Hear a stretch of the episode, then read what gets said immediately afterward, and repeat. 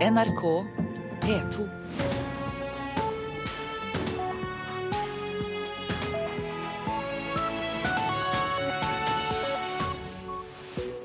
Øystein Heggen gir deg dagens nyhetsbilde her i Nyhetsmorgen fredag 27. mars. Dette er overskrifter 6.30. Flere flyselskaper varsler at de vil innføre en regel som krever at to personer alltid må oppholde seg i førerkabinen på et fly. LO og NHO enige om lønnsoppgjøret. Null kroner og null øre i tillegg. Og vi er veldig fornøyd med at det nå blir nedgang i de sentrale lønnstilleggene for tredje året på rad. NHO-leder Kristin Skogen Lund og nestleder Tor Arne Solbakken i LO kommer hit for å forsvare nulloppgjøret. I USA har FBI arrestert en soldat i nasjonalgarden som skal ha forsøkt å hjelpe IS i Syria og Irak. Og hør om hundreåringen som ble glemt av ordføreren. Ja, Flyselskaper fra hele verden varsler at de vil ha nye regler som sier at to personer alltid må oppholde seg i førerkabinen på et fly. I går eh, sa også Norwegian at de vil innføre disse reglene, og nå melder den tyske luftfartsorganisasjonen BDL at de vil gjøre det samme. Etter at det i går ble slått fast at den ene tyske flyveren bevisst ble stengt ute fra kabinen da andre piloten styrtet German Wings-flyet i Alpene med vilje, har flere store flyselskap følt behov for en regelendring. Bare i løpet av få timer etter dette ble kjent, hadde bl.a. Air Berlin, EasyJet og Norwegian innført en regel som altså innebærer at hvis én forlater flykabinen, skal et av de andre besetningsmedlemmene kalles inn dit i mellomtiden. I USA er dette allerede et krav, og selv om Lufthansa, som eier Germanwings, i går sa at de ikke så behov for å endre sine prosedyrer, at dette var bare et engangstilfelle, så har altså også nå den tyske luftfartsorganisasjonen BDL bestemt seg for å innføre regelen gjeldende for alle sine flyselskap. Og vi ble orientert av Ellen Borge Christoffersen. Minst 13 personer ble skadd da en femetasjes bygning kollapset på Manhattan i går kveld etter det som trolig var en gasseksplosjon. Bygningen i New York huset både boliger og bedrifter. Ifølge ordføreren tyder det på at eksplosjonen ble forårsaket av eh, anleggsarbeid. Ja, null kroner og null øre i generelle tillegg for arbeidstakerne. Det er NHO og LO enige om, etter forhandlinger fram til seint i går kveld. Men for de lavest lønte vanker det noen ekstra kroner. Du, blir de lavtlønte fornøyd, eller? Ja, Det får vi vente oss og se. Så uh, vi, vi, er ikke ferdig med forhandlingene ennå, så vi får se når vi blir ferdig. Sa Fellesforbundets leder Arve Bakke da han stakk ut for en røykepause under forhandlingene mellom LO og NHO sent i går kveld. Men ferdig ble de, om enn mye nærmere midnattsfristen enn de fleste hadde ventet seg. Vi har vel god grunn til å smile begge to. Eh, vi har eh, landa oppgjøret uten å gå til mekling, og det syns jeg er en god grunn til å smile. Sier LO-leder Gerd Kristiansen. De såkalte frontfagene setter retningen for hele lønnsoppgjøret. For ansatte med lokale forhandlinger blir det nå null kroner og null øre i generelt tillegg. Det er NHO-direktør Kristin Skogen Lund svært fornøyd med. Det blir ingen generelle tillegg, og vi er veldig fornøyd med at det nå blir nedgang i de sentrale lønnstilleggene for tredje året på rad. Og det trenger vi i den situasjonen norsk økonomi befinner seg. Da er vi avhengig av at LO og NHO finner sammen om ansvarlige løsninger, og det mener jeg vi har gjort i, i kveld. Men det gis et tillegg på 1 krone og 75 øre for de lavtlønte som tjener 90% eller mindre av gjennomsnittslønnen. Det var jo prioriteringa vår. Vi visste at det kom til å bli trangt, og eh, var enig i at lavtlønn, likelønn, var de elementene som skulle løftes, og det har vi gjort. Arbeidstagere som ikke kan forhandle opp lønna lokalt, får etter avtalen et lønnstillegg på 2,7% Hvis dette og inflasjonsprognosene slår til, for folk flest en helt marginal reallønnsvekst. Klart mindre enn i foregående år. Skogen Lund mener det er nødvendig. Jeg er jo redd for at vi kanskje bare har sett eh, starten på uroen eh, og omstillingsbehovet i norsk økonomi. Men som sagt, dette må vi følge. Og så håper og tror jeg at vi skal fortsette å samarbeide godt og kunne videreføre ansvarligheten også fremover. Vinnerne i dette lønnsoppgjøret er norske arbeidsplasser. Jeg tror vi har reddet en god del av dem her i kveld. Og selv om det satt litt inne for partene å bli enige om lavtlønnstilleggene, er de nå tilsynelatende godt forlikte. Ja, vi er vinnere alle sammen. Eh, de lavtlønte har fått et opprykk, og eh, vi er gått ut med null i generelle tillegg. Det gjør, som Kristin sier, det berger mange norske arbeidsplasser. Og det har vært veldig viktig for oss når vi gikk inn i dette oppgjøret. Reportere her Ann Kristin Listøl og Sindre Heirdal. Ja, Vi hørte LO-lederen der, men vi har LOs nestleder Tor Arne Solbakken her. God morgen til deg. Takk. Et nederlag for Landsorganisasjonen med null i generelt tillegg? Nei, absolutt ikke. Eh, vi gjorde en prioritering eh, i vårt representantskapsmøte om at eh, det, den beskjedne økonomien som lå i dette oppgjøret, den vil vi prioritere til de lavest lønte, og det har vi levert på. Så det tror jeg nok både representantskapet og medlemmene vil være godt fornøyd med. Kristin Skogen Lund antydet at det kunne bare være starten på uroen i økonomien. Kan vi forvente oss veldig moderate lønnsoppgjør i mange år?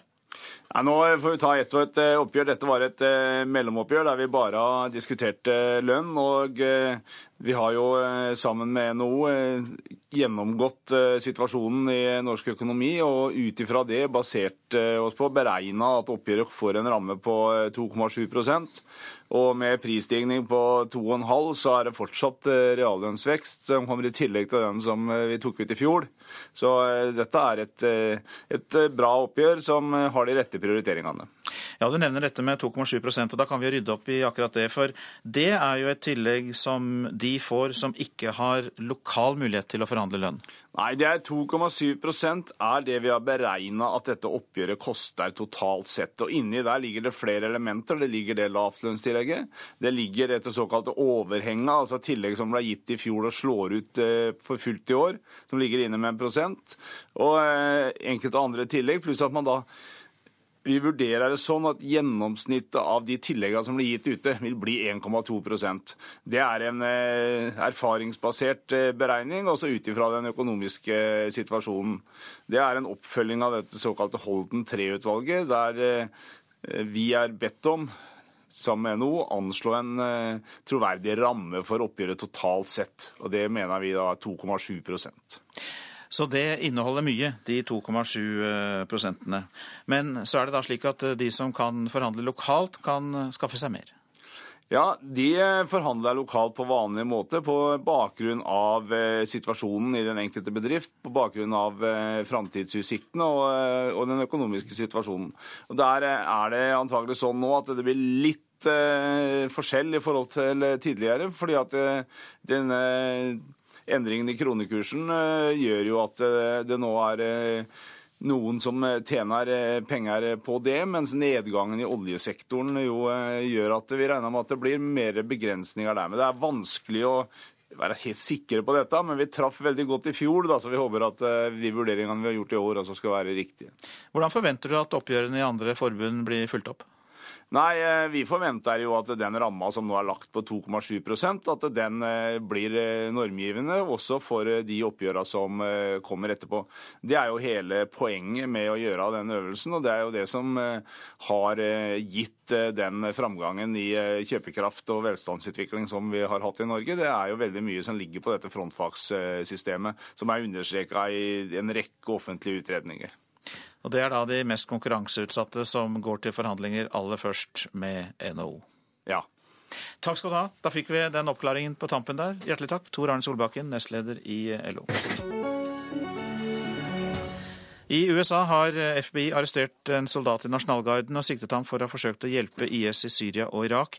Den 22 år gamle mannen ble arrestert på flyplassen i Chicago da han skulle reise til Egypt for å forberede tjeneste for terrororganisasjonen. Samtidig med fetteren til mannen. Eh, han er også arrestert og siktet for å ha planlagt angrep på amerikansk jord. Det er USA-konsponent Tove Bjørgaas som har mer om dette. 22 år gamle Hassan Edmunds ble oppdaget av FBI i fjor høst, da en agent som utga seg for å være IS-sympatisør, kom i kontakt med ham på Facebook. I Facebook-meldinger fortalte Edmunds at han ikke ønsket å fullføre de tre årene han hadde igjen av plikttjenesten i Nasjonalgarden. Som muslim ville han heller reise til Irak og kjempe for IS, fortalte han. USA har allerede arrestert 18 amerikanere siktet for å sympatisere med IS. Men det som skaper overskrifter rundt disse siste arrestasjonene, er mannens fetter. 29 år gamle Jonas Edmunds ble arrestert i en forstad til Chicago i går. Han skal ikke ha hatt mulighet til å reise ut av USA pga. et kriminelt rulleblad som gjorde det vanskelig for ham å få pass. I stedet skal Jonas Edmunds ha planlagt et terrorangrep mot en navngitt militærbase i delstaten Illinois. Fetteren skal ha gitt ham en av sine uniformer fra nasjonalgarden, slik at han kunne komme seg usett inn på basen. Til FBI-agenten på Facebook fortalte Hassan Edmunds at han håpet fetteren skulle klare å drepe minst 150 mennesker i et terrorangrep, og ga inntrykk av at han fikk hjelp til planleggingen. Dersom dette stemmer, er det en truende dreiing i IS' aktivitet fordi den er rettet direkte mot USA, sier antiterrorkommentator for National Public Radio, Dina Temple Raston, til radiokanalen. Mennene sa de ville bruke automatvåpen og granater for å drepe flest mulig, sier hun og legger til. I mean, the worst terrorist case we've had in the U.S. since 9/11 was the Fort Hood, Texas shootings in 2009, and that was when a U.S. Army major named uh, Nidal Hassan opened fire in a readiness center at Fort Hood and killed 13 people. Det verste terrorangrepet på amerikansk jord siden 11. september er Fort Hood-angrepet i 2009. Da klarte en soldat å drepe 13 mennesker. Det klarte han fordi han hadde uniform og allerede var på basen i Texas med tilgang til våpen. De to mennene i Illinois kom altså aldri så langt, og sitter nå i varetekt. I morgen er det igjen klart for Earth Hour, eller kanskje vi heller skal, skal kalle den Jordtimen. Eh, timen folk over hele verden slukker lyset for klimaet. I fjor deltok 162 land, mer enn 7000 byer i denne kampanjen. Og Nina Jensen, generalsekretær i WWF Norge, velkommen til deg. Takk skal du ha. Hva er hensikten med lyseslukkingen?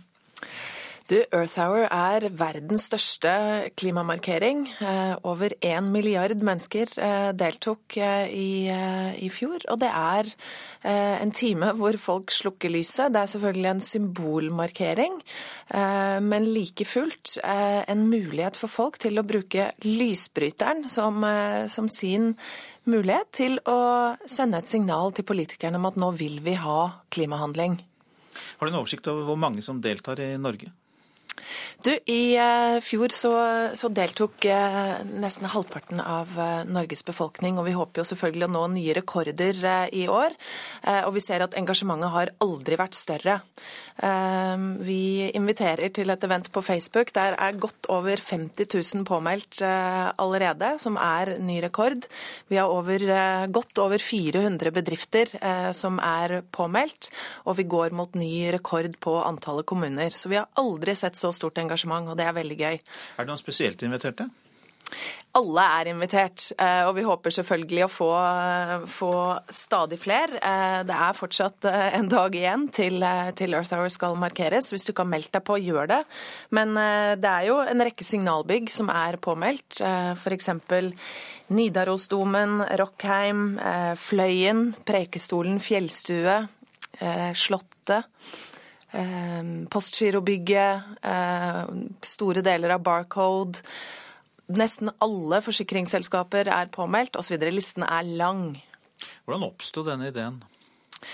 Du, det, det, var en uh, eh, WWF-ansatt i uh, Australia som uh, fikk denne ideen for litt over syv år siden. og som, som, så hvor kraftfullt det kunne være å ha en veldig enkel handling, men hvor folk kunne da samles i en liten time for å kunne stå sammen om noe som er større. Og det har jo åpenbart vært en fabelaktig god idé, for nå er det altså nesten eh, godt over én milliard mennesker over hele kloden som nå deltar i dette. Så det har vært en gigantsuksess. Når er det i morgen? Det er klokken halv ni til halv ti i morgen kveld. Eh, så jeg håper også du som hører på, vil bruke lysbryteren. Skru av lyset i en time for klimaet. Den eh, fikk du fra Nina Jensen, den oppfordringen, generalsekretær i WWF Norge. Takk til deg. Avisene nå. VG og Dagbladet omtaler Andreas Lubitz på sine forsider.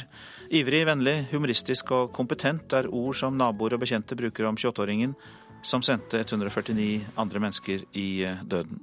Men German Wings-piloten avbrøt en periode flystudiene fordi han var deprimert, sier en nær venn til en tysk avis. Tror massedrapet var planlagt, sier flypsykolog og tidligere leder av Flyhavarikommisjonen, Greta Myhre, til Adresseavisen. Hun mener at personer rundt Andreas Lubitz burde ha fanget opp at noe var galt. Jeg føler meg litt som en Duracell-kanin på nyladede batterier, sier Gunhild Stordalen til Aftenposten. Hun skulle redde verden, men først måtte hun kjempe seg tilbake til livet etter å ha fått en alvorlig bindevevssykdom. Sykmeldte friskner til når Nav innkaller dem til møte, skriver Dagens Næringsliv. Dialogmøter med Nav fungerer som et spark bak og har helseeffekt, viser forskning. Norske kristne, muslimer og jøder reiste på dialogtur til Midtøsten, men frustrasjoner, gnisninger og uenighet ble resultatet. Det kan vi lese om i Vårt Land.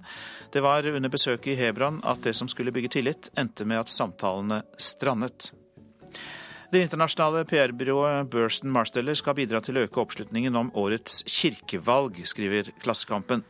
Byrået får 6,5 millioner kroner av Kirkerådet for å gjøre jobben, men organisasjonen Åpen folkekirke fikk avslag da de søkte om midler for å drive informasjonskampanje om kirkevalget.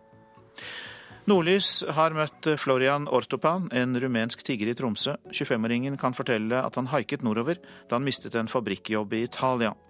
Han får som oftest ikke mer enn 40 kroner i koppen etter en lang dag med tigging. Det er et hardt liv, sier Florian, som fortsatt drømmer om å finne seg en jobb.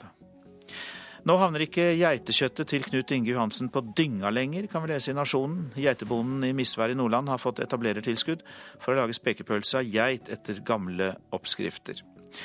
Hele Oslo ble tatt av snøen, skriver Dagsavisen. Vi må bite i oss at alle, alle, de nedlatende kommentarene vi har kommet med mot amerikanere som ikke takler uvær, skriver kommentatoren Aslak Borgersrud. De eh, kroatiske spillerne vet lite om Norge før morgendagens EM-kvalifisering. Det innrømmer målvakt eh, Daniel Subasic. Selv om Norge har hatt en veldig god start på EM-kvalifiseringen i fotball, og bare ligger ett poeng bak Kroatia etter fire kamper, så eh, har ikke denne målvakten så mye kunnskap om Norge. Much, but... Uh, Subasic spiller til daglig for Monaco, som er klare for kvartfinalen i Mesterligaen. Og han er klar på hvilket lag han mener er favoritt i Zagreb i morgen. I think it's Croatia. Croatia is favorite. NRKs fotballekspert Lise Klavenes tror det kan være en fordel for det norske laget at de er mer ubeskrevne enn sine balkanske motstandere. Ja, Det er klart det, det er jo en fordel at vi eh, kjenner Kroatia veldig godt, og de gjør det ikke. Det er klart Trenerapparatet har jo satt seg inn i, i den norske stillestillingen, de norske spillerne, så de møter jo ikke med blanke ark. Men eh, vi er mer ubeskrevne blader. og kan sånn sett, Hvis vi har spillere som kan eh, finne fram formen til denne kampen, så så kan vi overraske. Men jeg tror nok at dette må bli en, en laginnsats uansett, og at fokus må være å ikke gi stjernene til Kroatia rom.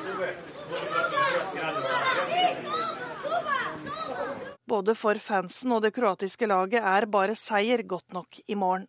Every game is important. This, this also, you we start good in this qualification. We want to win uh, Saturday. Reporter Hilde Liengen.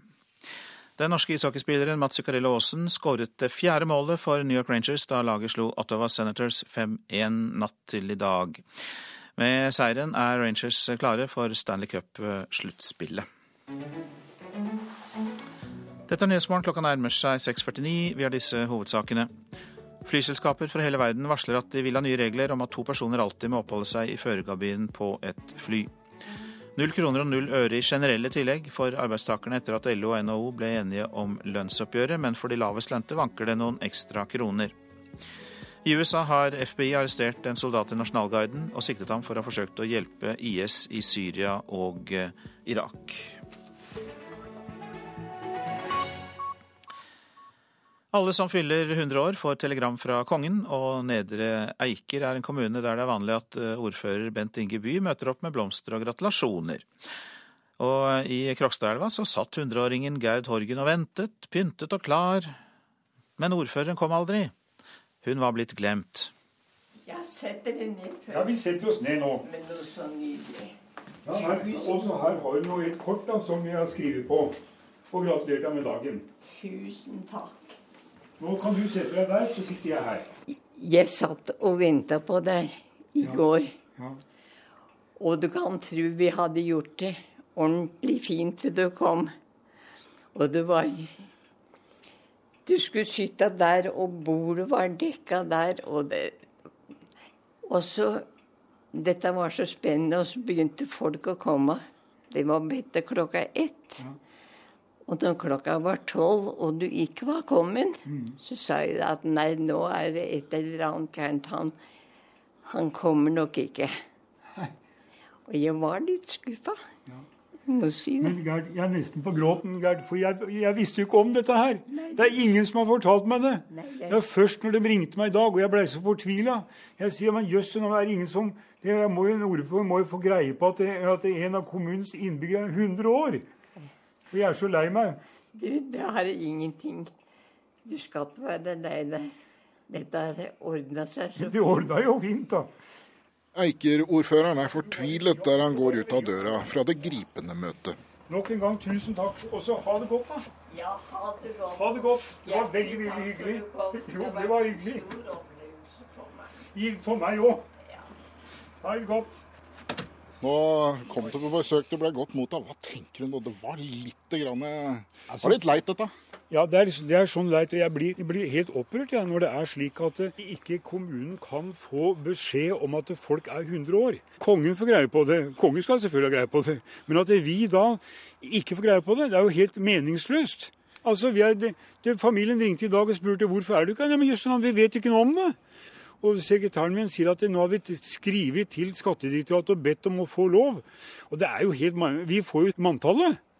Det får vi, men vi kan ikke sitte og bla gjennom 24 000 navn for å se om hvem som har 100 år. Men hvorfor får dere ikke dette her? Nei, det vet jeg ikke. Det er Skattedirektoratet som har bestemt at det er pga. personvern. Men hvordan finner du ut hvem som er 100 år, da? Jo, det må vi vente på avisen å fortelle oss det. Det er vi avhengig av for å greie på, eller folk må ringe til oss. Og det var eh, reporter Raymond Dalen som hadde laget denne reportasjen, og eh, han har også ringt eh, direktør Lars Solnørdal i Skatt Øst, som forteller til NRK at de ikke kan gi kommunene opplysninger om personers fulle navn og fødselsdato pga. taushetsplikt. For første gang har politiet stengt en norsk fildelingsside. Siden Norsk Film Nett viste ulovlige kopier av norske filmer og TV-serier, så ble stengt etter at politiet gikk til aksjon i februar i år. Og det er resultatet av mange års målrettet arbeid, sier de som har rettighetene til filmene. Det er den første gangen vi har fått eh, stoppet en, en side som har kilde i Norge, altså som har opphav i Norge. Det sier Willy Johansen, leder i Rettighetsalliansen, som representerer de som sitter med rettene til bl.a. denne filmen. Fjorårets best besøkte norske film på kino, bilfilmen 'Børning', var en av mange norske filmer og TV-serier som en kunne se helt gratis på sida norskfilm.nett. Og etter en måned så hadde den 7000 visninger på denne siden, så det sier litt om tapene til produsenten. I februar i år gikk politiet til aksjon og drog inn data og telefonutstyr. En mann i 20-åra fra Vestfold har tilstått at han står bak sida, og er sikta for brudd på åndsverkslova. Det var en side som han har uh, oppretta, hvor han har uh, tilrettelagt for uh, fildeling. Da. Det var jo sånn at du kunne se, altså klikke på og se filmene, som du kan på Netflix, den type sider. Det sier politiadvokat i Vestfold politidistrikt Torje Arneson, som regner med at saka kommer for retten før sommeren. Men ikke alle er samde i måten styresmaktene kjemper mot brudd på opphavsretten. Altså Når nettsider blir blokkert i andre land, så kaller man det sensur. Her så kaller man det opphavsrettsbekjempelse, eller piratbekjempelse, eller et eller annet. Virkemidlet nøyaktig det samme. Sier Øystein Jacobsen, som er talsmann for Piratpartiet i Norge. På datamaskina si ser han på en film gjennom den ulovlige strømmetjenesten Popcorn Time. Grunnen til at folk eh, bruker tjenester som dette, er jo fordi de ikke får tak i det på annet vis. Eh, hadde bransjen tilbudt disse filmene eh, på tilsvarende vilkår til en pris som var overlevelig, eh, og det har jo Spotify bevist, så hadde folk tatt den i bruk. For strømmetjenester som Spotify og Vimp har bidratt til at tallet på ulovlige nedlastinger av musikk har stupt de siste åra i Norge. Men rettshaver Willy Johansen har inga tru på en variant av Spotify for film og TV. Eh, problemstillingen på film er noe annet. Hvis man skulle begynt å selge all mulig film for 99 kroner, så hadde det ikke vært noe mer filmindustri. Det hadde ikke vært noe mer kinoer, det hadde ikke vært noe DVD og ikke noe Blu-ray. Ingenting. 250 kroner i måneden, da? Ikke engang muligheter. Lars Ivar Nordahl var reporter her. Så om eh, lokalene til barnehuset i Tromsø som skulle utsmykkes. Da fikk eh, kunstnere kjenne på ansvarsfølelse knyttet til det å lage kunst. Det handlet ikke bare om å skyve på sine egne kunstneriske grenser, men mer om å lete etter empati og hva som kan roe et eh, forvirret og skadd barnesinn. Altså, det begynner jo når du kommer ut av heisen, så står han gutten på sida og sier hei og vinker. Og den, den er tegna også ganske lavt, sånn at det er i høgda til i hvert fall de fleste barna som er her, da. Ikke de aller største, selvfølgelig, men at det skal være noen sånne venner da, som man kan kjenne igjen, som klatrer i trærne hoppe på trampoliner og stå på rulleskøyter. At det skal være noe som de kan på en måte oppdage. En gutt og ei jente, små tegninger, maskoter, tegna rett på veggen både i gangene og oppholdsrommene. Kunstnerparet Linn Pedersen og Jan Freuchen er de første som har fått et helhetlig kunstnerisk ansvar for et barnehus. Et oppdrag som har gitt andre tanker bak kunsten enn vanlig. Man må jo eh, i en langt større grad enn ved andre prosjekter prosjekter som eh, vi har jobba med, i hvert fall forestille seg hva som er best mulig for de som skal benytte det. Og så er det jo viktig at eh, her at det skapes en eh, trygg og rolig atmosfære. Barnehusets leder Ståle Luther har allerede innspill på flere plasser han ønsker tegninger. Sjøl har han ikke gitt føringer for prosjektet, kun informert. Hva slags type barn vi får hit, at uh, det her er unger som godt Eh, kan være litt eh, engstelige og har sommerfugler i magen før de kommer hit. Det skal være eh, noe som, som ikke stresser. 380 unger var inne til dommeravhør ved barnehuset i Tromsø i fjor. Forutsetningen for at de kommer hit, er jo ikke lykkelig. De sakene som kommer på barnehus, det dreier seg jo, deler seg jo mellom de ungene som har opplevd vold i nære relasjoner, enten direkte eller indirekte, ved at de har sett eller hørt eller på annen måte observert det, og de som har opplevd seksuelle overgrep. Siste verk skal opp på veggen. Bildene er kollasjer av ulike materialer. Silketrykk, foto, oljestift, dongeri, lerret og tegnehjelp fra ei fireårig datter. Kunstnerparet fra Sortland og Kristiansand har blanda sine uttrykk, og hengt det i lav høyde. Det er jo kanskje en slags sånn avledningsmanøver, nesten. Eh, samtidig som, eh, som, jeg også syns at de har klart da, det der å lage et Det er noe veldig positivt sier Helga Marie Nordby, som har kuratert kunsten i det nye politihuset i Tromsø, som barnehuset er en del av. Og vi vet fra undersøkelser som har vært gjort eh, om barnehus, at ungene setter veldig pris på at det ser fint ut på barnehuset, og at det er hyggelige, fine omgivelser. Og det var Hege Ren Hansen som var reporter på barnehuset. Værvarselet nå, og da starter vi med fjell i Sør-Norge. Der blir det enkelte snøbyger. Østlandet får stort sett oppholdsvær, men tåkeskyer. Lettere skydekke og opphold, og i kveld utrygt for uh, mer tåke. Telemark får stort sett oppholdsvær. Fra ettermiddag oppklarende vær. Agder etter hvert uh, til dels pent vær. Rogaland og Hordaland ser vi samlet, og det blir enkelte regnbyger. Snø over ca. 300 meter. Sogn og Fjordane fra i formiddag sørvest stiv kuling ved Stad. Enkelte regnbyger skal det være, men snø over ca. 300 meter. Møre og Romsdal enkelte regnbyger, snø over 300 meter. Fra i ettermiddag liten kuling i Møre og Romsdal. Trøndelag litt spredt sludd eller snø. Fra ettermiddag sørvest liten kuling på kysten, enkelte sludd- eller snøbyger. Nordland sørlig stiv kuling utsatte steder. Minkende til liten kuling, spredt snø og sludd. Troms sørlig stiv kuling utsatte steder, seint i ettermiddag minkende til liten kuling og litt snø. Finnmark sørlig liten storm utsatte steder, kortvarig full storm øst i Finnmark. Oppholdsvær, men litt snø på vidda. Og Nordensjøland på Spitsbergen får litt snø eller sludd i dag. Temperaturer målt klokka fire i natt. Svalbard lufthavn pluss to, Kirkenes minus ti, Varde minus to, Alta minus fem, Tromsø minus én. Bodø pluss én, Brønnøysund to, Trondheim fire, Molde null, Bergen-Flesland to, Stavanger og Kristiansand begge én grad. Gardermoen med null, Lillehammer minus fire, Røros Nei, Lillehammer minus én, men Røros hadde minus fire. Og Oslo-Blindern pluss to.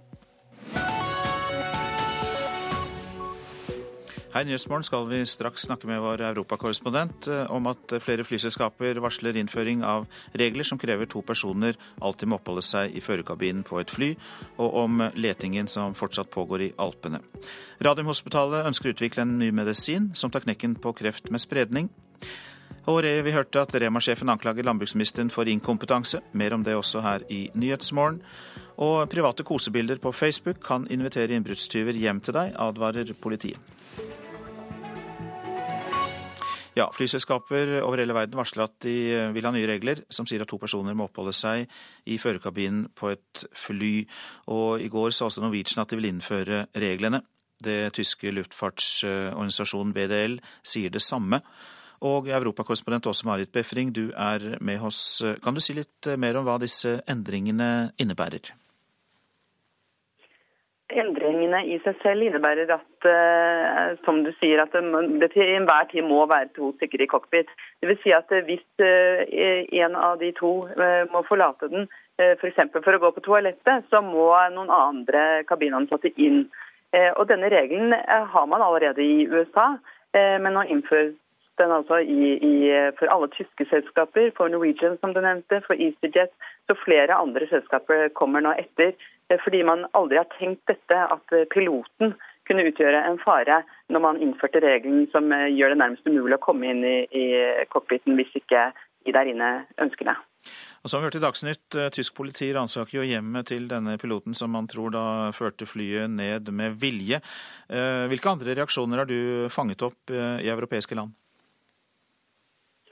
Nei, Dette her har jo skapt selvfølgelig sterke reaksjoner overalt. For det er jo en helt uforståelig hendelse. Eh, og Lufthansa-sjefen Karsten Spor sa jo veldig tydelig at eh, dette er det verste marerittet. Det er noe man ikke kunne forestilt seg. Og Det er jo derfor også disse reaksjonene kommer nå fra flere selskaper. Og her i Frankrike også så, så sier jo folk at, at, dette her er Dette gjør jo det hele langt verre enn om dette hadde vært en ulykke. Du har jo vært i nærheten av området der flyet styrtet. og Kan du si litt mer om hva som skjer videre med søket i Alpene?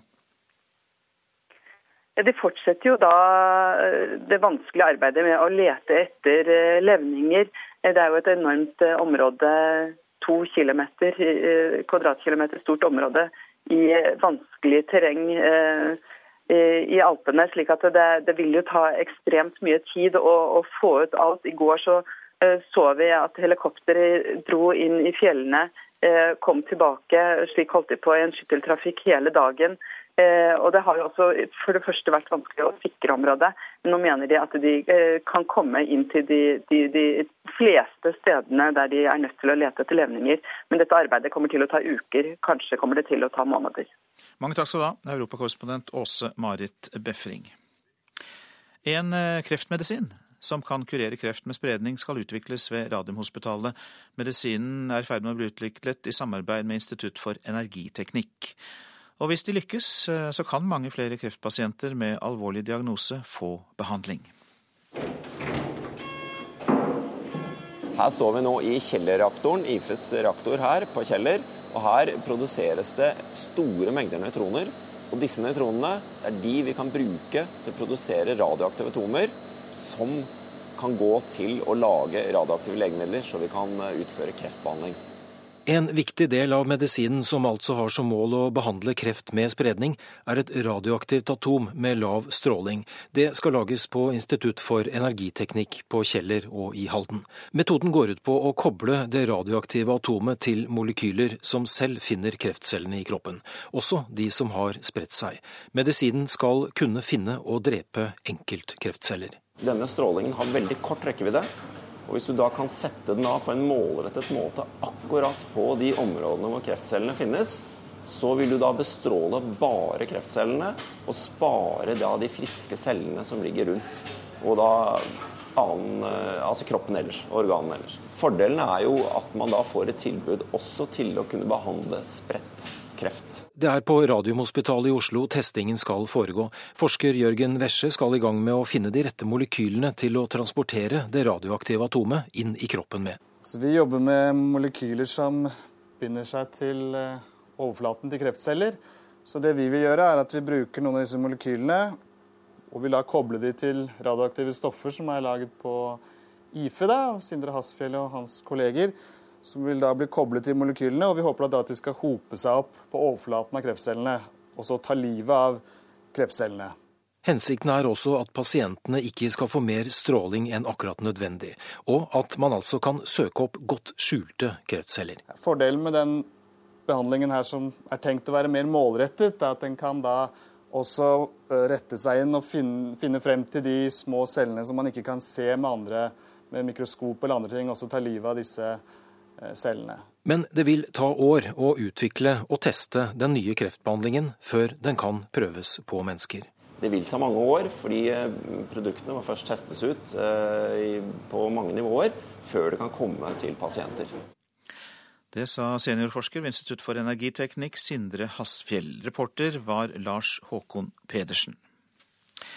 I et internt brev til kjøpmennene skriver Rema-eier Odd Reitan at landbruksministeren mangler kompetanse, og at hun feilinformerer. Reitan bør konsentrere seg om å gi forbrukerne billigere mat, svarer Sylvi Listhaug. Jeg tenker at de har et behov for å eh, få fokuset vekk fra seg sjøl, når de har kommet ganske dårlig ut av den dokumentaren som NRK viste. Eh, forbrukerne fikk se at man bruker mange millioner kroner på å reise til Las Vegas og feste, eh, samtidig som vi da påpeker både manglende konkurranse i dagligvaresektoren og at prisene er for høye. Ladies and gentlemen, please welcome the coolest guy in Vegas, the one and only Ole Robert! Ole Robert Reitan feiret familiens dagligvareimperie i Las Vegas i fjor som vist i forrige ukes Brennpunkt Matvarekrigen. Åh, meg. I programmet retter Listhaug kritikk mot maktkonsentrasjon i dagligvaremarkedet. I etterkant sender Rema-gründer Odd Reitan et brev til alle kjøpmennene i Reitan-gruppen, med påstander om at landbruksministeren ikke vet hva hun snakker om.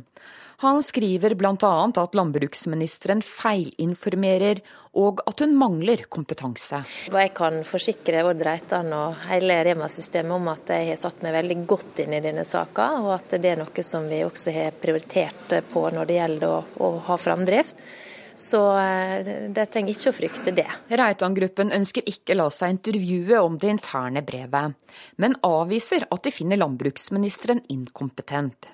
Landbruksministeren bruker i denne saken for ensidig datagrunnlag til å beskrive virkeligheten i vår bransje, skriver Reitan-gruppen i en e-post til NRK.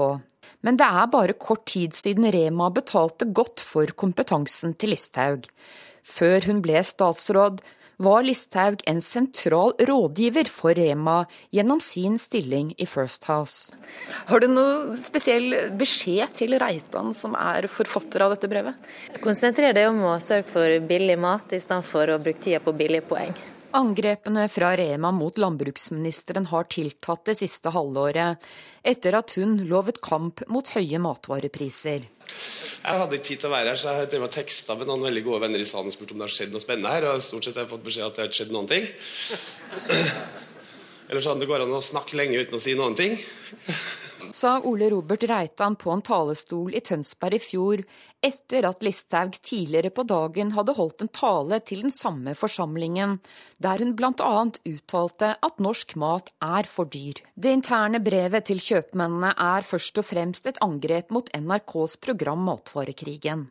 Kloke mennesker ser at NRK driver barnslig og useriøs journalistikk. Vi er nå så vellykket at noen kan mislike det. Det ble en komifilm, er noe av det Odd Reitan skriver i sin hilsen til kjøpmennene. Og det sa reporter Line Tomter. ICA-sjef Torbjørn Teie mener at matkjeden kunne ha overlevd i Norge og tjent penger neste år dersom ICA hadde fått lov av myndighetene til å samarbeide med Norgesgruppen. Den svenskeide ICA-kjeden tapte i fjor i gjennomsnitt 50 millioner kroner i måneden. Norgesgruppens konsernsjef eh, Tommy Corneliussen tror også at ICA Norge på sikt hadde gått med overskudd hvis samarbeidsavtalen ble, hadde blitt godkjent. Det skriver altså Dagens Næringsliv. Da hadde man beholdt fire dagligvareaktører i Norge, sier altså Corneliussen i Norgesgruppen. Folk som skal reise fra Oslo lufthavn i dag, må beregne seg god tid. I går ble det jo store forsinkelser pga. snøfallet, og flyplassen ble stengt i perioder. I dag er det ventet stor påskeutfart. Det sier pressekontakt eh, ved lufthavnen, Joakim Wester Andersen. 90 000 reisende i dag. I går var det 83 000. I går hadde vi veldig veldig dårlig vær. Det er litt tåke på morgenkvisten i dag, men det skal bli bedre. Så vi håper at det går eh, uten de store problemene. Har du noen oppfordring til de reisende? Jeg har en oppfordring til de reisende. De kan beregne litt bedre tid. Eh, ta hensyn til at det er veldig mye folk, og så være litt mer tålmodige enn de kanskje ville vært på en vanlig, vanlig reisedag. Dette er eh, Nyhetsmorgen, og klokka den er snart 7.14. Vi har disse hovedsakene. Politiet har gjort eh, flere beslag hjemme hos flygeren som førte flyet fra Germanwings da det styrtet i de franske alpene. Flere flyselskaper varsler at de vil innføre en regel som krever at to personer alltid må oppholde seg i førerkabinen på et fly. Og Radiumhospitalet ønsker å utvikle en medisin som tar knekken på kreft med spredning. I morgen er det valg i Nigeria, et land som strever med Boko Haram-terrorisme, korrupsjon og kriminalitet. Valget ble først utsatt i seks uker for å gi militæret tid til å bekjempe Boko Haram. Og Afrikakorrespondent Kristine Presttun, du er i hovedstaden Abuja. Og hvordan vurderes trusselen fra Boko Haram nå? Denne militære operasjonen har satt Boko Haram kraftig tilbake. De militante islamistene er tvunget ut av flere byer i nordøst. Men de kontrollerer faktisk fortsatt et ganske stort område mot grensen til eh, Kamerun. Og vi har jo sett at Boko Haram har hatt utallige selvmordsangrep de siste årene, og faren for slike angrep nå er høyst reell. Eh, Boko Haram har jo truet med å sabotere dette valget. Men de jeg har snakket med her i Abuja, er likevel ikke redde for å stemme. De har absolutt tenkt å møte opp eh, på lørdag, men de vil gjerne ha flere svar. Og spesielt om hva myndighetene vet om de over 200 jentene som ble bortført fra en skole i Chibok i fjor vår. What are we asking for? The truth, nothing but the truth. What do we want? De har på seg røde T-skjorter der det står 'Bring back our girls'. Hver eneste dag møtes de her ved Unity Fountain i Abuja for å minnes de bortførte jentene. Da valget ble utsatt i seks uker for at militæret skulle bekjempe Boko Haram, tente det et håp hos aktivistene. Men det er der ikke lenger. Well, the, the, truth is that we are really surprised that in the six, week, six weeks operation, the girls have not been the focus of the operation. Vi er overrasket over at det å finne jentene ikke har vært fokus for militær operasjon. Det sier Osman Shehu, som mener at myndighetene har sviktet jentene totalt. For us, that is unacceptable. And as far as we are concerned, if by the 28th the girls are not brought back, then the operation has not been successful at all.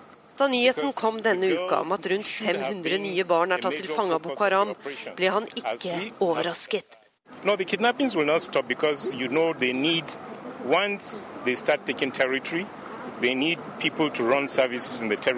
Bortføringene vil fortsette. Boko Haram har behov for fotsoldater og slaver som kan arbeide for dem, sier Shahal, før han hever en knyttet neve og roper i kor med de andre aktivistene. Ja, her var du ute og fanget opp eh, informasjoner og inntrykk knyttet til dette valget. Og hvordan eh, påvirker eh, denne de problemene de har med Boko Haram, eh, selve valget? Ja, flyktninger eh, Jeg har møtt mange flyktninger som har måttet drømme fra Boko Haram etter å ha vært vitner til forferdelige overgrep, mistet slektninger.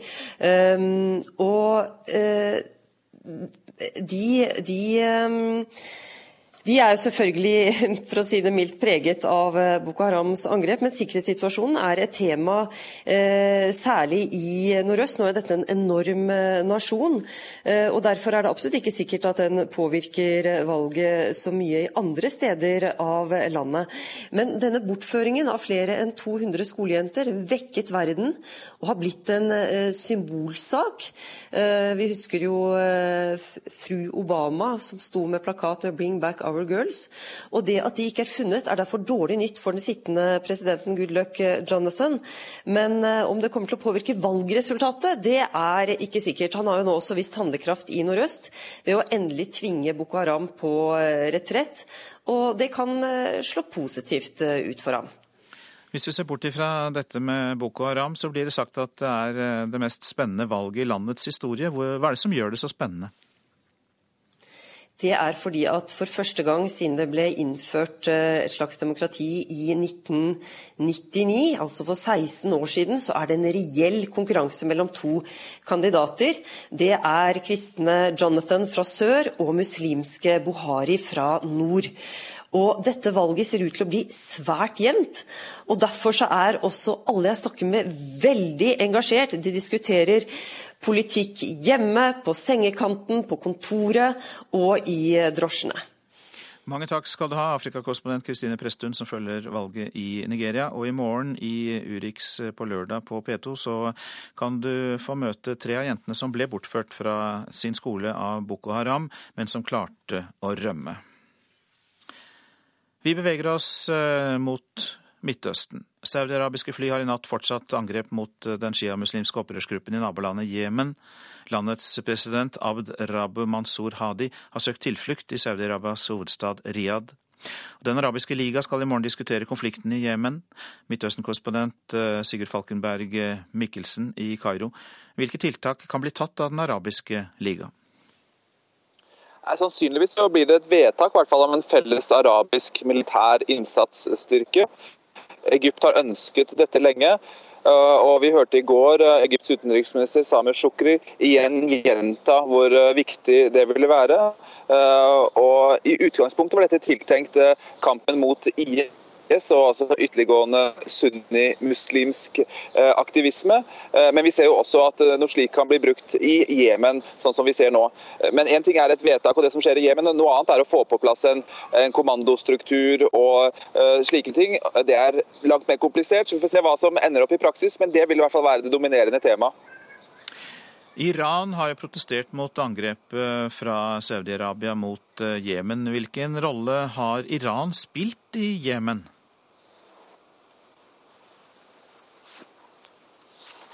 Iran har jo grått noen krokodilletårer eh, det siste døgnet på Jemens vegne etter Saudis eh, angrep, men det er ikke noe tvil om at eh, Iran også spiller en viktig rolle her. og De gjør det på sedvanlig vis. De støtter en lokal sjiamuslimsk gruppe, i dette tilfellet Houthiene. Og så er maktspillet i gang. Hvor konkret og hva den støtten dreier seg om, er derimot uklart. Eh, vi hører Irans kritikere, eh, i første rekke president Hadi i eh, Jemen, påstå at det dreier seg om våpen og også militære rådgivere, mens Iran sier at det bare er en ideologisk og humanitær støtte. Men det vi har sett etter at houthiene tok over Sanaa, hovedstaden, er at de har åpnet en direkte flyforbindelse til Iran. Så vi kan se konflikten som et uttrykk for en større regional dragkamp da, mellom Iran og Saudi-Arabia? Ja, så absolutt. Eh, eh, vi ser det i Jemen, vi ser det i Irak, vi ser det i Syria, vi ser det i Libanon. Dette er en, en av de definerende elementene i, i, Midtøsten akkurat nå. og Det gjør også at situasjonen er veldig ustabil. Kan krigshandlingene innvirke på innspurten i atomforhandlingene med Iran? Ja, dette foregår også parallelt i Lausanne. og Eh, det skal da kommes fram til en midlertidig avtale ganske snart, og så er det håp om å få til en avtale innen 30.6. Det er et intenst eh, press rundt disse forhandlingene. Eh, mange av USAs allierte er motstandere av dette. Alle Gulflandene, Saudi-Arabia, også Israel. Mens USA da har alliert, om ikke alliert seg, så har de i hvert fall en de facto allianse med Iran når det kommer til Irak. Eh, men Jeg tror ikke det kommer til å få noen direkte påvirkning på forhandlingene, men det viser hvor komplisert bildet er, eh, og hvor vanskelig det er å få til en eh, total og en mer omfattende regional avtale, som jo er det amerikanerne ønsker seg. Fra Kairo direkte hos oss, mange takk skal du ha, Midtøsten-korrespondent Sigurd Falkenberg Mikkelsen. Danmark vurderer å kjøpe israelske våpensystemer til bruk i krigføringen mot opprørerne i den islamske staten IS i Irak. Produsentene sier våpnene er testet i kamp, skriver avisen Informasjon, som har fått tilgang til dokumenter om det mulige våpenkjøpet. Det er ikke kjent hvilke våpensystemer det er snakk om, men de danske planene om å kjøpe israelske våpen høster kritikk fra flere hold, bl.a. fordi våpnene trolig er testet mot palestinere. Så til avisene. VG og Dagbladet omtaler Andreas Lubitz på sine forsider. Ivrig, vennlig, humoristisk og kompetent er ord som naboer og bekjente bruker om 28-åringen som sendte 149 andre mennesker i døden. Men Germanwings-piloten avbrøt en periode flystudiene fordi han var deprimert, sier en nær venn til en tysk avis. Tror massedrapet var planlagt, sier flypsykolog og tidligere leder av Flyhavarikommisjonen Grete Myhre til Adresseavisen. Hun mener at personer rundt Andreas Lubitz burde ha fanget opp at det var noe galt.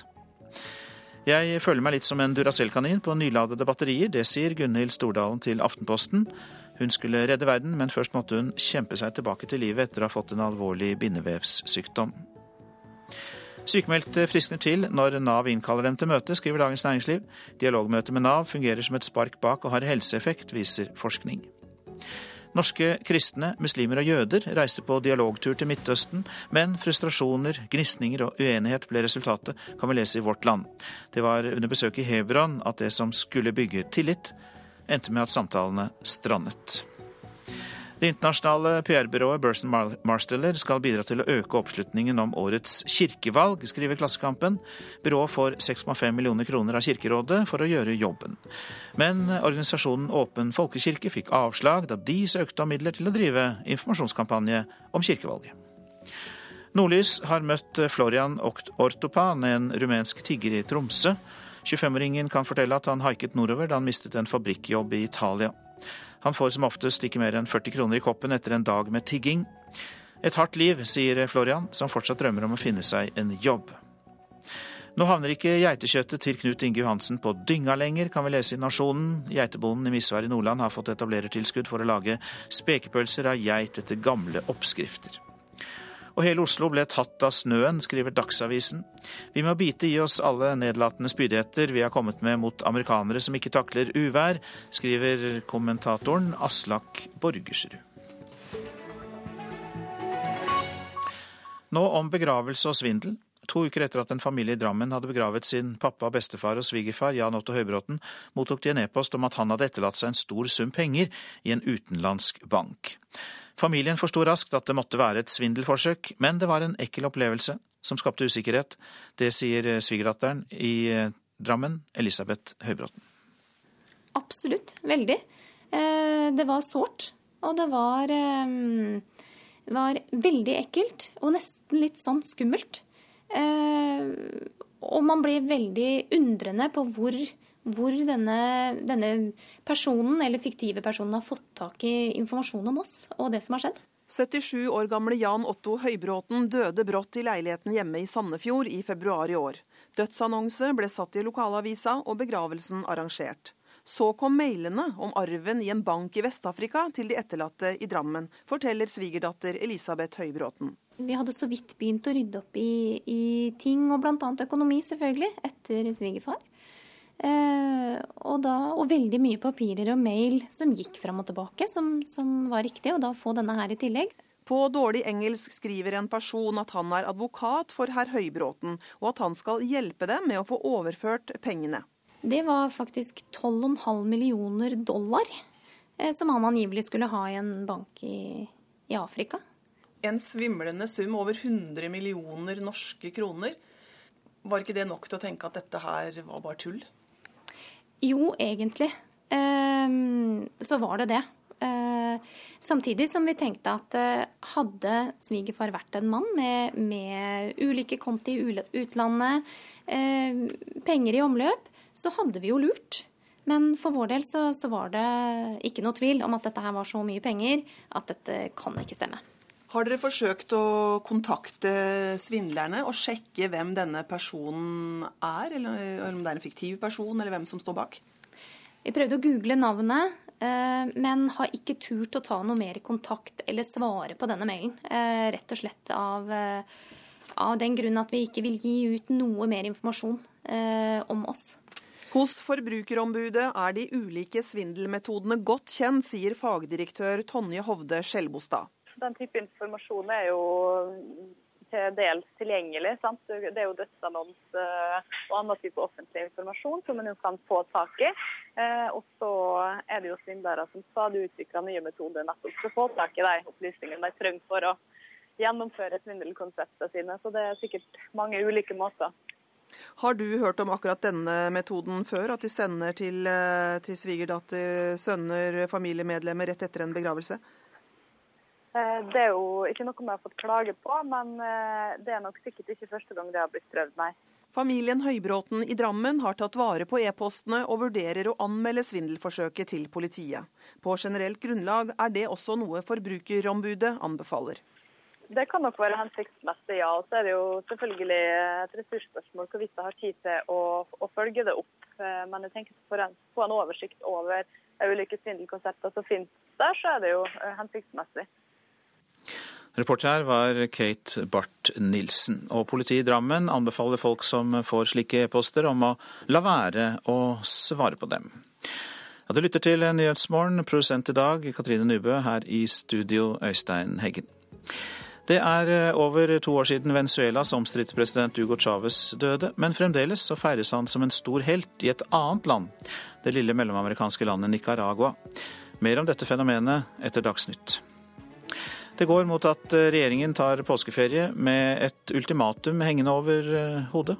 Hvordan skal den redde det borgerlige samarbeidet? Ja, det blir både spørsmålsstilling om dette og debatt i Politisk kvarter kvart på åtte.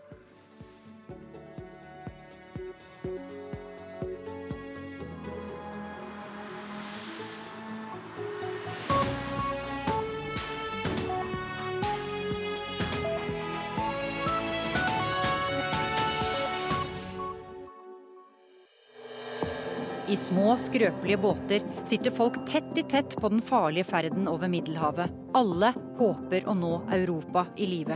Eller bli reddet av et skip med velvillige sjømenn. Den minste jeg løfta opp fra en båt, var 20 dager gammel. Jeg tror aldri jeg har holdt så godt fast på noe i hele mitt liv. Syver Grepstad har vært med å redde nesten 2000 mennesker i Middelhavet. Hør hans historie i Ekko helg. Ekko helg. Lørdag klokken 9 til 11 på NRK P2.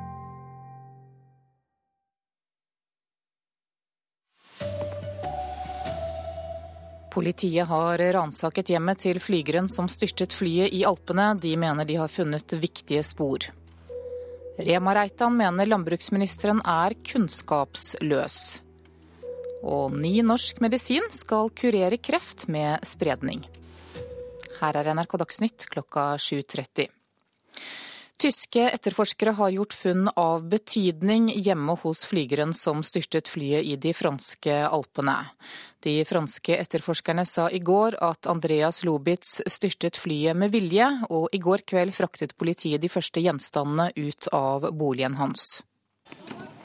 Plastposer og bokser med gjenstander og en datamaskin var blant det som tysk politi bar ut i kveldsmørket i går, brutt opp av pressefotografenes livslys. En mann dekket til av en jakke ble også ledsaget ut av boligen i byen Montabaur. Franske myndigheter har bedt om bistand, og på bakgrunn av en ordre sendt oss av påtalemakten i Düsseldorf, ransaker vi nå andreflygerens leilighet. Vi har hatt fem etterforskere som har lett etter spor som kan gi oss en idé om hvorfor andreflygeren gjorde det han gjorde, sa talsmann for tysk politi Markus Nutzeri.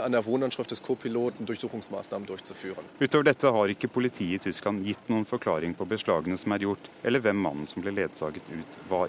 Det er kjent at Andreas Lybitz for seks år siden hadde et opphold i flygerutdanningen sin på flere måneder. Men Karsten Spor, konsernsjefen i Lufthansa som eier Germanwings, sa i går at utdanningen fortsatte da hans egnethet ble slått fast. Og Det sa utenriksmedarbeider Philip Lote. Flyselskaper over hele verden innfører nye sikkerhetsregler for førerkabinen i sine fly. De krever at det alltid må være to personer i cockpit.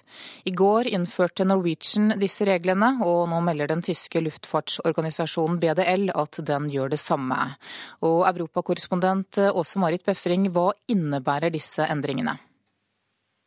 Ja, Det innebærer at hvis en av pilotene forlater førerkabinen f.eks. For, for å gå på toalettet, så er altså en annen av besetningsmedlemmene nødt til å gå inn i kabinen, slik at det da til enhver tid skal være to personer der. Eh, og USA har allerede dette kravet. Nå sier Norwegian at de vil innføre det, og det gjelder fra i dag. Eh, tyske luftfartsorganisasjonen innfører det for alle tyske selskaper, også Canadian Airline, EasyJet og andre selskaper innfører dette så raskt som mulig. Du er i nærheten av stedet der dette flyet styrtet. Hvordan foregår søket i øyeblikket? Ja, Nå letter de første helikoptrene med letemannskaper, og de vil nå bli fraktet eh, inn i fjellene ca. 2 km fra Selnesalp. Og så vil de bli firt ned på bakken for å da lete etter levninger etter alle de døde. Eh, og dette er jo et arbeid som de første dag sa ville ta dager. Men eh, nå kommer det til å ta uker, kanskje måneder, tror jeg. fordi at eh, det er et ekstremt vanskelig arbeid å klare å finne alle levningene, og så begynner jobben med å identifisere alle. Takk skal du ha, europakorrespondent Åse Marit Befring. Eier av dagligvarekjeden Rema 1000 Odd Reitan mener landbruksministeren mangler kompetanse og at hun feilinformerer. Det kommer frem i et internt brev til kjedens kjøpmenn. Sylvi Listhaug svarer at Reitan heller bør konsentrere seg om å gi forbrukerne billigere mat.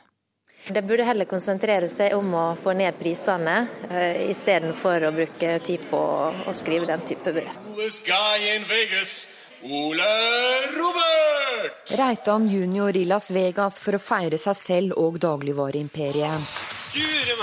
Det var en av scenene i forrige ukes Brennpunkt Matvarekrigen, der Listhaug uttalte seg kritisk om norske matvarepriser. I etterkant har Rema-gründer Odd Reitan skrevet et internt brev til alle kjøpmennene i Reitan-gruppen. I brevet står det at landbruksministeren feilinformerer, og at hun mangler kompetanse. Jeg tenker at de har et behov for å få fokuset vekk fra seg sjøl, når de har kommet ganske dårlig ut av den dokumentaren som NRK viste. Ingen i Reitan-gruppen vil la seg intervjue, og viser til at brevet var en intern, personlig hilsen.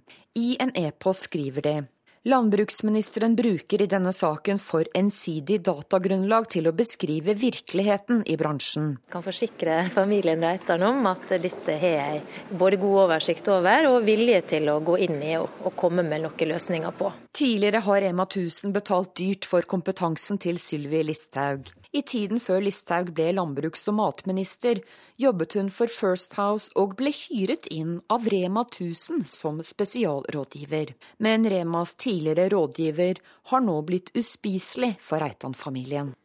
Reporter her var Line Tomter. Det blir ingen generelle tillegg for landets arbeidstakere i årets lønnsoppgjør. Det ble NHO og LO enige om sent i går kveld. Men for de lavest lønte så vanker det noen ekstra kroner. Vi er, vi er ikke ferdig med forhandlingene ennå, så vi får se når vi blir ferdig. Sa Fellesforbundets leder Arve Bakke da han stakk ut for en røykepause under forhandlingene mellom LO og NHO sent i går kveld. Men ferdig ble de, om enn mye nærmere midnattsfristen enn de fleste hadde ventet seg. Vi har vel god grunn til å smile begge to.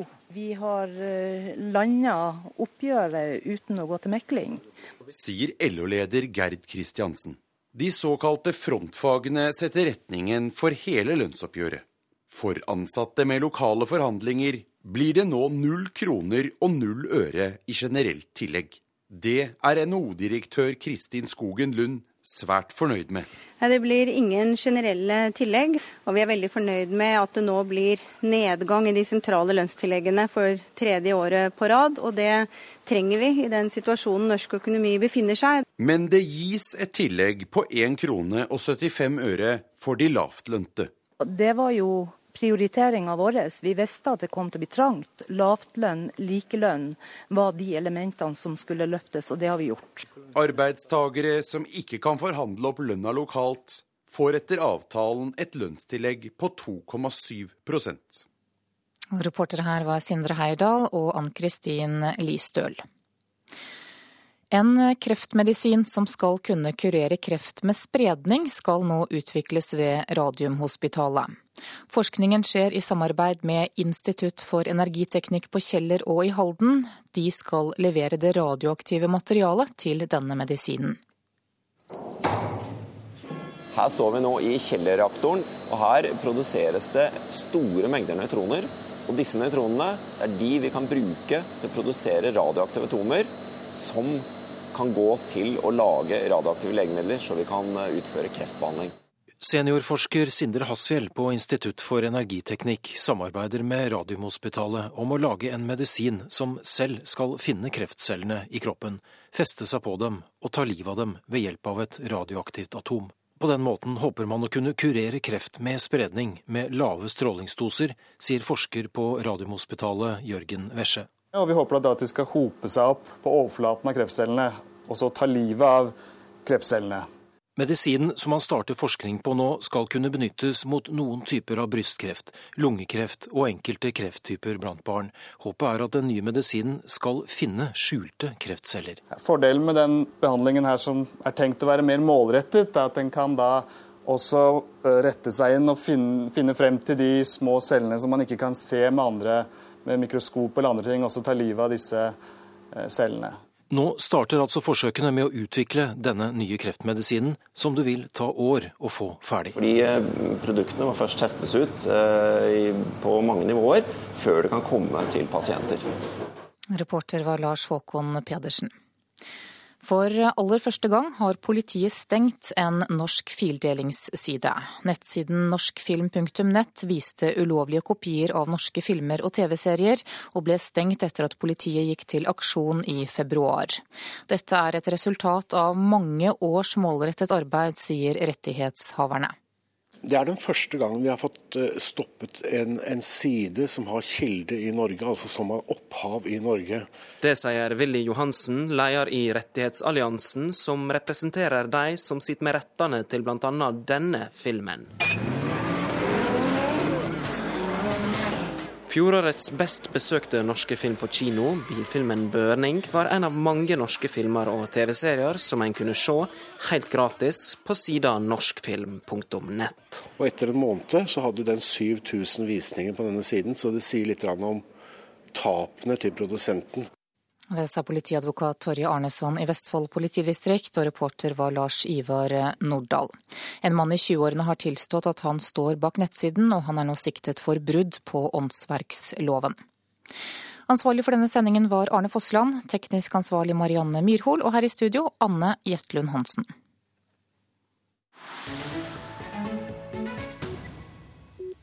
Det er over to år siden Venezuelas omstridte president Hugo Chávez døde, men fremdeles feires han som en stor helt i et annet land, nemlig det lille mellomamerikanske landet Nicaragua. I en rundkjøring midt i hovedstaden Managua finnes et 20 meter høyt eh, monument. Og Stig Arild Pettersen har sendt oss denne reportasjen fra Nicaragua. Nede i et åpnet kumlokk finner jeg tre arbeidere. De har ansvar for å vedlikeholde den store fontenen i det som nå heter Hugo Chávez-rundkjøringen.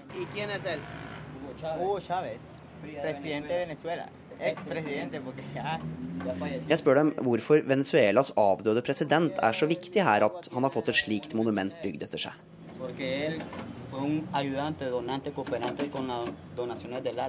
Han elsket Nicaragua, forteller de. Chávez ga landet vårt en ny daggry. Han bryr seg om de fattige.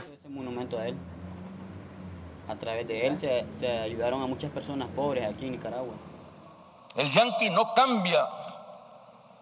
El mundo cambia, pero el yanqui no cambia. Det er 70-åringen Daniel Ortega som sitter med makten i Nicaragua, den lille mellomamerikanske republikken som kun har Haiti som eneste konkurrent til tittelen 'Vestens fattigste land'. Da den gamle revolusjonshelten fra 70- og 80-tallet endelig vant tilbake presidentmakten i 2007, var det ved hjelp av store bidrag fra sin ideologiske trosfelle i Venezuela, Hugo Chávez. Siden har regjeringspartiet i Venezuela overøst sine sandinistvenner i Nicaragua med milliarder av oljekroner for å bekjempe fattigdom, forteller Ruth Selma Herrera, som inntil nylig var statsråd i Daniel Ortegas regjering. Este gobierno sin la plata de los venezolanos no hubiera podido hacer todo lo que ha hecho. Uten pengene fra Venezuela kunne ikke denne regjeringen gjort alt den har gjort, sier Selma. Men pengene og makten har gått til hodet på president Ortega og hans familie, mener hun. Se enamoraron del poder, se dieron cuenta que podían hacer como familia un grupo económico de har forelsket seg i makten. De har samlet den politiske og økonomiske makten i egne hender, og totalt endret regimet fra en demokratisk bevegelse til en undertrykkende og autoritær bevegelse som ikke godtar opposisjon, sier eksminister Ruth Selma. Solo con ese montón de plata que les permitía, que convirtió en multimillonarios a Ortega y a su mujer, hun får støtte av aktivist og skribent i opposisjonsavisen Confidencial, Sofia Montenegro. Como financiador de nuestra nueva tragedia, financiador de la nueva dictadura de Nicaragua. Chávez-regimet har finansiert en ny nicaraguansk tragedie, et gryende diktatur, sier Montenegro, og kaller Nicaraguas forhold til Venezuelas avdøde leder for en kult skapt av Daniel Ortega og hans mektige kone Rosario Morillo. Entonces, Det er en farse. Men venstrevridde idioter i Latin-Amerika og over hele verden har latt seg forlede til å tro at dette er en venstrevridd og revolusjonær regjering, sier Montenegro, som selv kjempet med marxist-geriljaen sandinistene mot Somoza-diktaturet på 70-tallet. Pengene fra Chávez har ikke hjulpet Nicaraguas fattige, like lite som de har hjulpet Venezuelas fattige. Snarere tvert imot har det skapt en elite av multimilliardærer. Problemene er de samme, mens friheten til å uttrykke sine meninger har blitt innskrenket, sier Montenegro.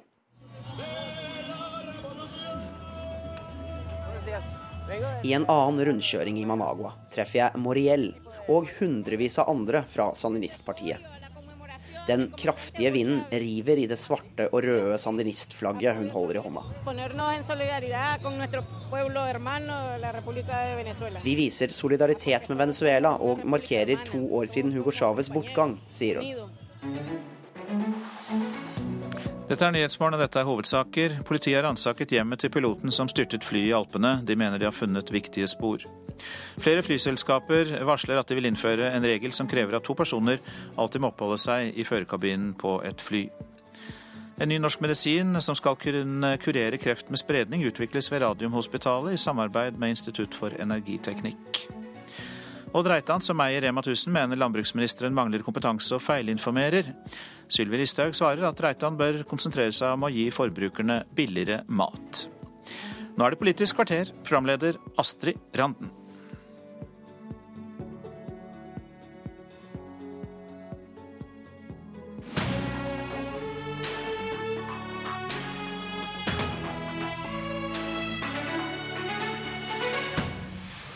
Regjeringa går inn i påskehøytida med et ultimatum hengende over seg. Hvordan skal de berge det borgerlige samarbeidet? Og møt listetoppen i det splitter nye partiet Feministisk initiativ. God morgen, dette er Politisk kvarter. I dag skal statsminister Erna Solberg til Drammen for å møte seksbarnsfaren Ibrahim Ramani, som har fått opphold i Norge etter seks år på asylmottak. UDI spurte familien om de kunne stille opp for å drive reklame for regjeringa sin asylpolitikk.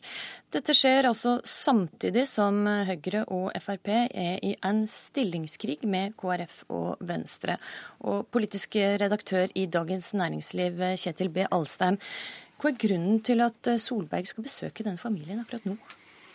Jeg tror nok det handler om å få frem en litt annen side av, av den asylpolitikken som føres. Det har jo handlet veldig mye i, i, flere måneder nå om hvor effektiv regjeringen er på å sende asylsøkere med avslag ut. Eh, og så har denne avtalen med, Venstre og Kristelig Folkeparti om asylpolitikken også en annen side, nemlig om at, at flere barnefamilier skal få bli. Frøy Gudbrandsen, kommentator i Bergens Tidende. Denne asylbarnsaka starta med dekninga i De Avis, da det avslørte at Politiets utlendingseining hadde ordre om å prioritere utsending av lengeværende asylbarn, sjøl om regjeringa hadde sagt noe annet i Stortinget. Og eh, denne saka er jo som kjent blitt ei hovedpine for regjeringa. Tror du statsministeren kan bøte på problema med dagens besøk? Nei, Det er liksom vanskelig å se hvordan det kan være en god idé akkurat nå å prøve å vri fokuset vekk fra det som alle lurer på, nemlig hva skjer med de barna som ble sendt ut i fjor høst. Jeg forstår godt at hun ønsker å uh, få mer oppmerksomhet rundt det at faktisk har ganske mange fått bli etter både engangsløsningen og det nye regelverket som kom i desember. Men jeg tror bare ikke det bøter på, på det rotet som har oppstått. Magnus Takvam, eh, politisk kommentator her i NRK. Eh, tror du at eh, reklamestuntet til regjeringa vil fungere?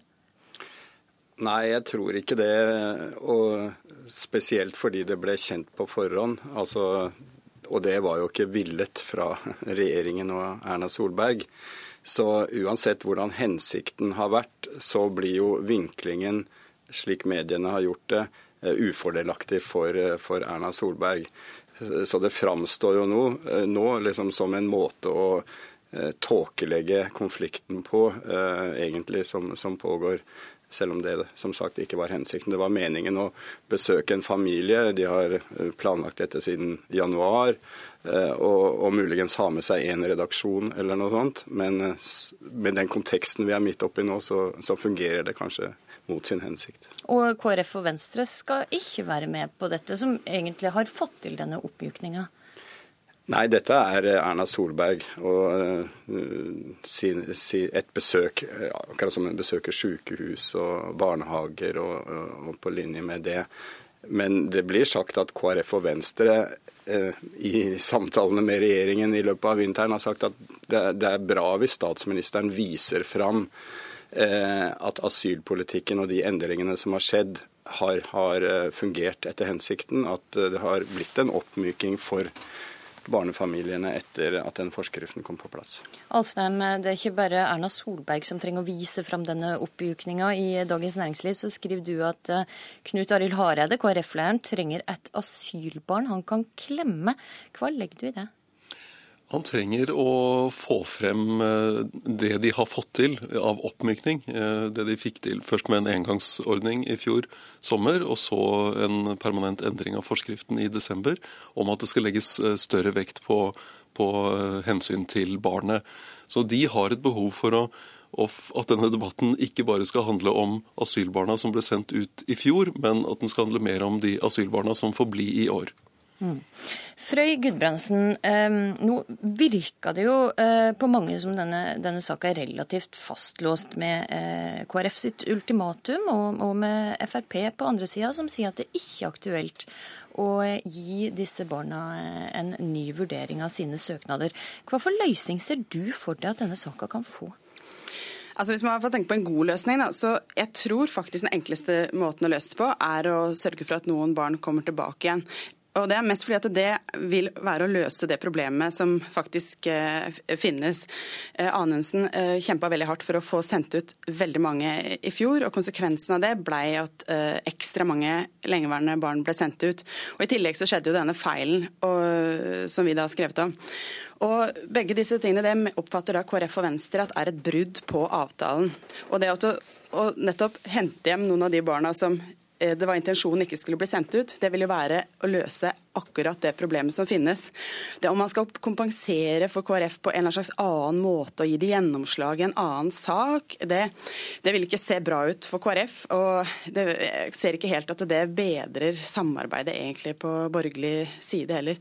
Men det er jo ikke, noe, det er jo ikke ideelt å, uh, å gå tilbake og, og gi et sånt regelverk tilbakevirkende kraft på den måten. men men jeg tror det er den enkleste løsningen. Og en ting som ikke kommer så godt fram, det er også det at i i Fremskrittspartiet lokalt er det ganske stort engasjement for asylbarna mange steder. Mye større støtte eh, for asylbarna i Fremskrittspartiet eh, sånn litt lenger nede i systemet enn akkurat i FrPs stortingsgruppe. Ja, Hvorfor har det gått så hardt ut da? Det er vel fordi motstanden i stortingsgruppa er, eh, er, veldig stor. Da. Og det er jo en ydmykelse overfor eh, justisministeren, så jeg forstår at det, altså, at det gjør vondt. Eh, det forstår jeg. Mm. Takvam, tror du det samme som Gudbrandsen her, at, at løsninga som Erna Solberg vil falle ned på, er å hente i hvert fall nokre av disse familiene hjemme igjen? Altså Det må jo bli eventuell konklusjonen etter en ny vurdering. Det første skrittet, eh, som jeg tror de er, i hvert fall Erna Solberg, og er innstilt på å prøve å få til, er en type ny behandling av enkelte av de sakene. KrF og Venstre har jo krevd det for de som ble sendt ut fra 1.7 fram til den nye forskriften kom på plass i, i desember. Men det, det, er riktig at når det og sett utenfra så er jo ikke det eh, så veldig radikalt krav. For det disse barna eventuelt skal vurderes etter, er jo en forskrift som alle fire partiene var enige om. Nemlig denne oppmykende eh, forskriften. Så det politiske grunnlaget for, den er, ikke så vanskelig. Men det er nettopp at det vil framstå som en innrømmelse fra justisministeren at han og regjeringen har gjort en feil i denne perioden. Eh, og det er også stor motstand i kjernegruppen i Fremskrittspartiet. Men det er eh, også mange i Fremskrittspartiet som mener dette er greit å løse. Så eh, der ligger saken. Mm. Jeg tror det er, det er et, Noe av problemet her for å få til en løsning er at justisminister Anundsen ikke har vist spesielt stor evne til å kunne innrømme feil. Eh, men eh, et av de interessante signalene eh, denne uka var justispolitisk talsmann i Fremskrittspartiet Jan Arild Ellingsen, som sa hos oss ideen at hvis dette ultimatumet fra Knut Arild Hareide at han skulle få gjennomslag for det, så ville det bli storm i partiet.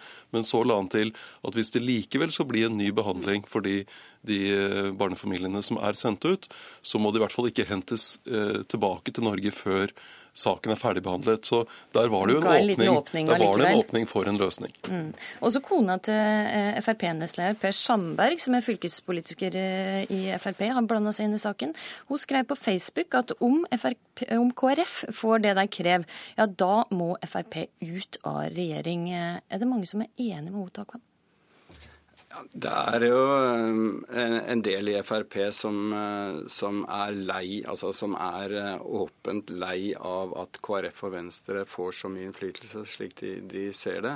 Eh, men jeg, jeg, tror at, at skal de fortsette videre på en måte i regjering, så må de jo på en måte godta det. Det som er spenningsmomentet og konteksten nå er jo at Frp ligger så veldig dårlig an på meningsmålingene. Og det er det som utløser den typen uh, uttalelser. Og valget til høsten, hvis det bekrefter uh, de eh, tendensene, at de får et så dårlig resultat, så tror jeg vi vil få mange saker der det blir enda mer tilspisset, fordi Frp da vil kreve enda større gjennomslag. Så dette er jo en veldig vanskelig og krevende situasjon for hele regjeringsprosjektet. Mm, så et kort spørsmål eh, til ikke alle til slutt. Begynner med deg, Gudbrandsen. Overlever Anundsen denne saka, eller må han gå av? Av hensyn til det borgerlige samarbeidet så bør han vel ikke overleve, nei. Takvam, eh, hva tror du? Må Anundsen gå? Altså, jeg tror de finner en løsning på denne saken eh, før Venstres landsmøte, som er en slags deadline. Det er rett over, over påske. Og så tror jeg ikke han får spark. Altså, når man har en løsning da, så får han eh, ikke sparken med det første. Så hans framtid avhenger av hva som skjer videre. Eh, men man kan ikke utelukke at han blir ofret i en rokade på et eller annet tidspunkt. Alstaheim, vil eh, Solberg bytte ut justisministeren sin? Ja, jeg var litt forsiktig der. Jeg skrev en gang tidlig i min karriere som politisk reporter skrev jeg at, at, om en bestemt statsråd at vedkommende kom til å gå av etter påske. Og jeg fikk for så vidt rett, men det var ikke etter påske, det ble liksom etter jul også. Sånn at eh, Jeg tror nok han kommer til å gå av etter påske, men ikke sånn med en gang. Eh, jeg tror eh, han er mer aktuell for å, å flyttes på eller byttes ut når det kommer en ommøblering i regjeringen, sannsynligvis etter kommunevalget. Men det for Erna Solberg nå å skulle ofre Anundsen, det tror jeg ikke hun vil gjøre. For da vil jo bare opposisjonen og mediene begynne å jakte på neste svake ledd i regjeringen. Mm, men forvent å se Kjetil Alstadheim, Magnus Takvam og Frøy Gudbrandsen. Takk for at det var med i Politisk kvarter.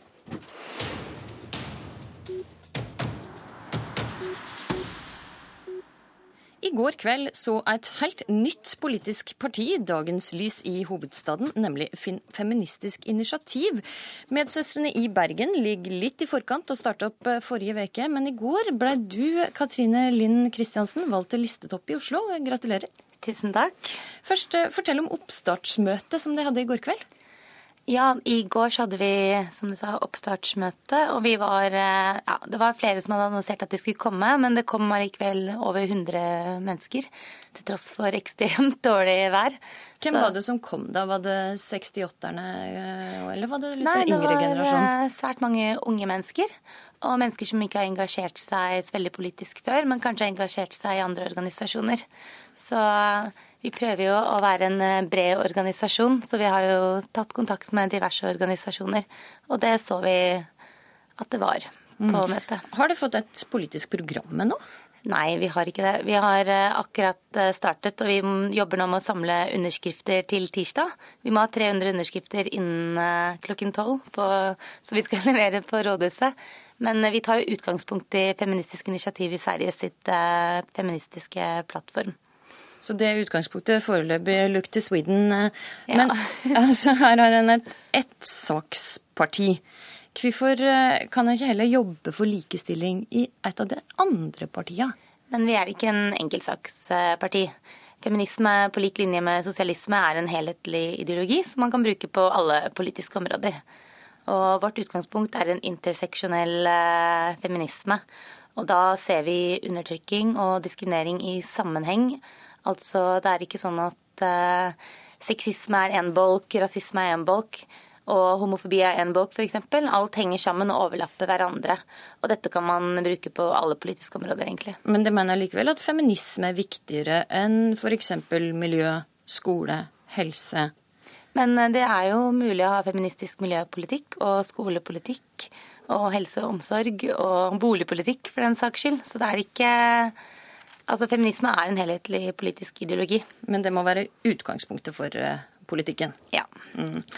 Um, I Sverige så har de hatt eh, Tupperware parties, eller politiske home parties, mm. der de har samla inn folk til å komme hjem til stunet folk, og hatt politiske møter. Vil det følge den oppskrifta? Ja, vi vil jo det. Og vi har jo vært i kontakt med Sverige og Gudrun Schyman. Og de er klare for å komme og hjelpe oss i valgkampen. Så det blir nok eh, homeparties her i Oslo også. Vi får ønske dere lykke til med å samle inn underskrifter, og velkommen i manesjen. Katrine Linn Kristiansen, takk for at du kom hit til Politisk kvarter Tusen i dag. Takk for at jeg fikk komme. Denne sendinga er nå slutt, men Politisk kvarter tar ikke påskeferie riktig ennå. Vi er tilbake samme, til samme tid i samme kanal på mandag. I eh, studio denne morgenen var eh, programleder Astrid Randen.